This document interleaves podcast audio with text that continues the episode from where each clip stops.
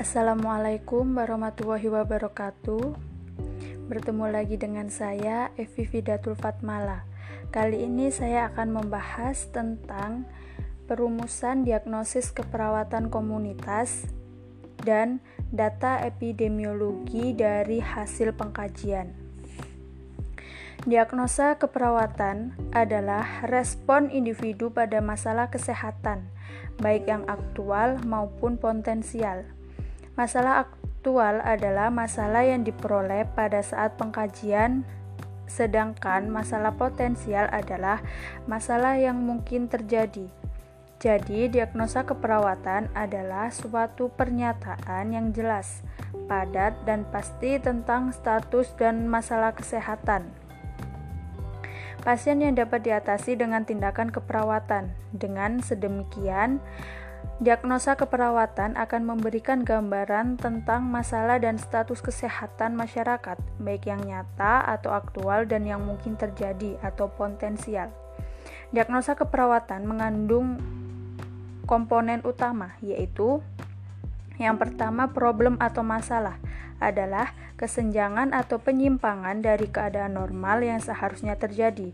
Yang kedua adalah eti etiologi atau penyebab adalah menunjukkan penyebab masalah kesehatan atau keperawatan yang dapat memberikan arah terhadap intervensi keperawatan yang meliputi perilaku individu, keluarga, kelompok, dan masyarakat.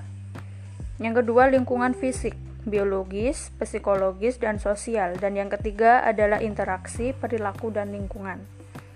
Yang ketiga adalah tanda dan gejala. Meliputi informasi yang perlu untuk merumuskan masalah.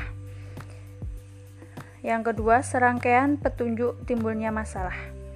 Perumusan diagnosa keperawatan dapat dilakukan dengan dua cara, yaitu dengan rumus PES atau PES Deng dengan rumus diagnosa keperawatan sama dengan problem atau masalah ditambah etiologi ditambah simptom atau tanda dan gejala.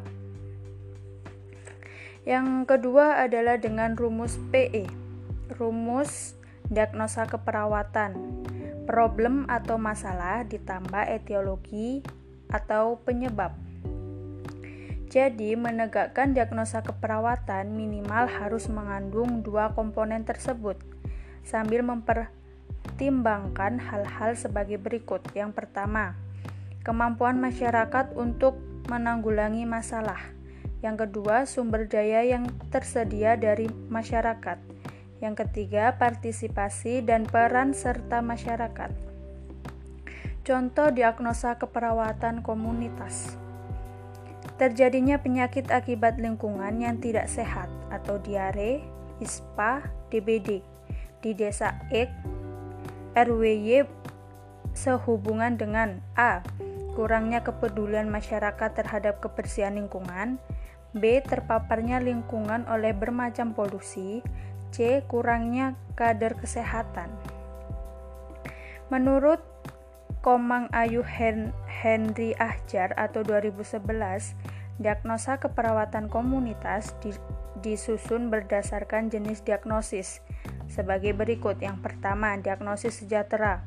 Yang kedua, diagnosis ancaman atau resiko. Yang ketiga, diagnosis aktual atau gangguan. Yang pertama, diagnosis sejahtera. Diagnosis sejahtera atau wellness digunakan bila komunitas mempunyai potensi untuk ditingkatkan. Belum ada tata maladaptif. Perumusan data keperawatan komunitas hanya terdiri dari komponen P atau problem tanpa komponen etiologi. Yang kedua adalah diagnosis ancaman atau resiko. Diagnosis resiko digunakan bila belum terdapat paparan masalah kesehatan, tetapi sudah ditemukan beberapa data maladaptif yang memungkinkan timbulnya gangguan. Perumusan diagnosis keperawatan komunitas resiko terdiri atas problem, etiologi, dan simptom atau tanda dan gejala. Yang ketiga adalah diagnosis aktual atau gangguan. Diagnosis gangguan ditegakkan bila sudah timbul gangguan atau masalah kesehatan di komunitas yang didukung oleh beberapa maladaptif. Perumusan dat diagnosa keperawatan komunitas aktual atau gangguan terdiri dari problem, etiologi, dan tanda dan gejala. Menurut Komang Ayu Henry Ahjar 2011, Tahap berikut setelah merumuskan diagnosa keperawatan komunitas adalah perencanaan. Perencanaan diawali dengan merumuskan tujuan yang ingin dicapai, serta rencana tindakan untuk mengatasi masalah yang ada.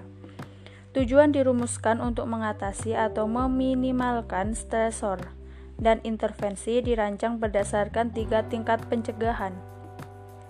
Yang pertama adalah pencegahan primer, adalah untuk memperkuat garis pertahanan fleksibel.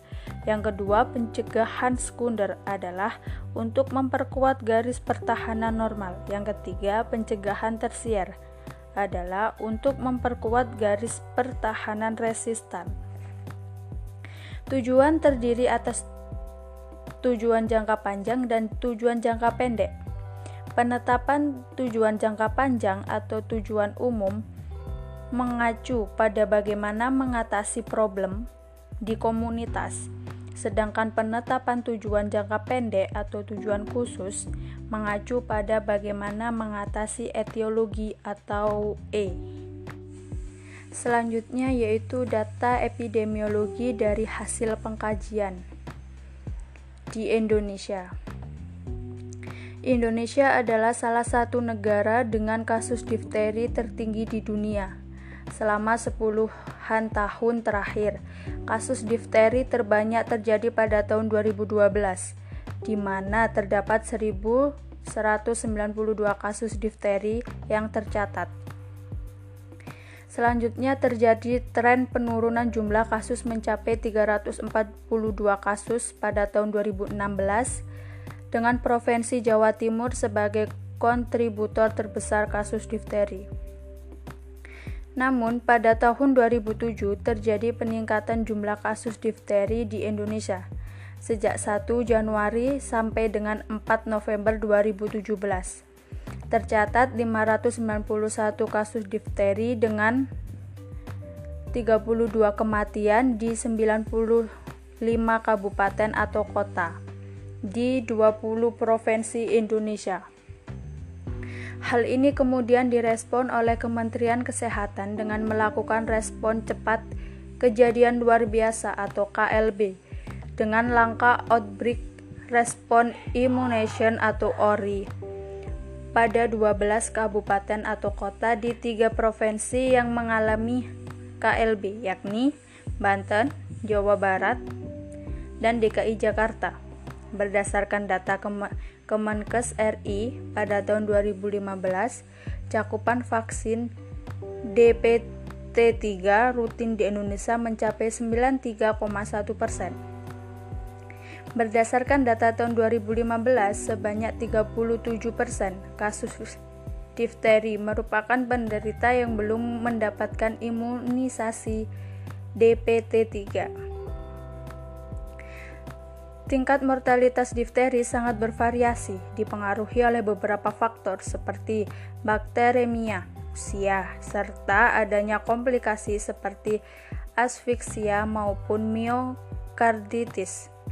Tingkat mortalitas ini diperkirakan sekitar 5-10% pada populasi umum dan meningkat tajam hingga 30-40% jika terjadi bakteremia. Tingkat mortalitas pada anak-anak kurang dari 5 tahun dan dewasa lebih dari 40 tahun sebesar 20%. Jika terjadi komplikasi, kematian umumnya terjadi pada hari ketiga atau keempat. Itu saja yang bisa saya sampaikan. Bila ada salah kata, saya mohon maaf.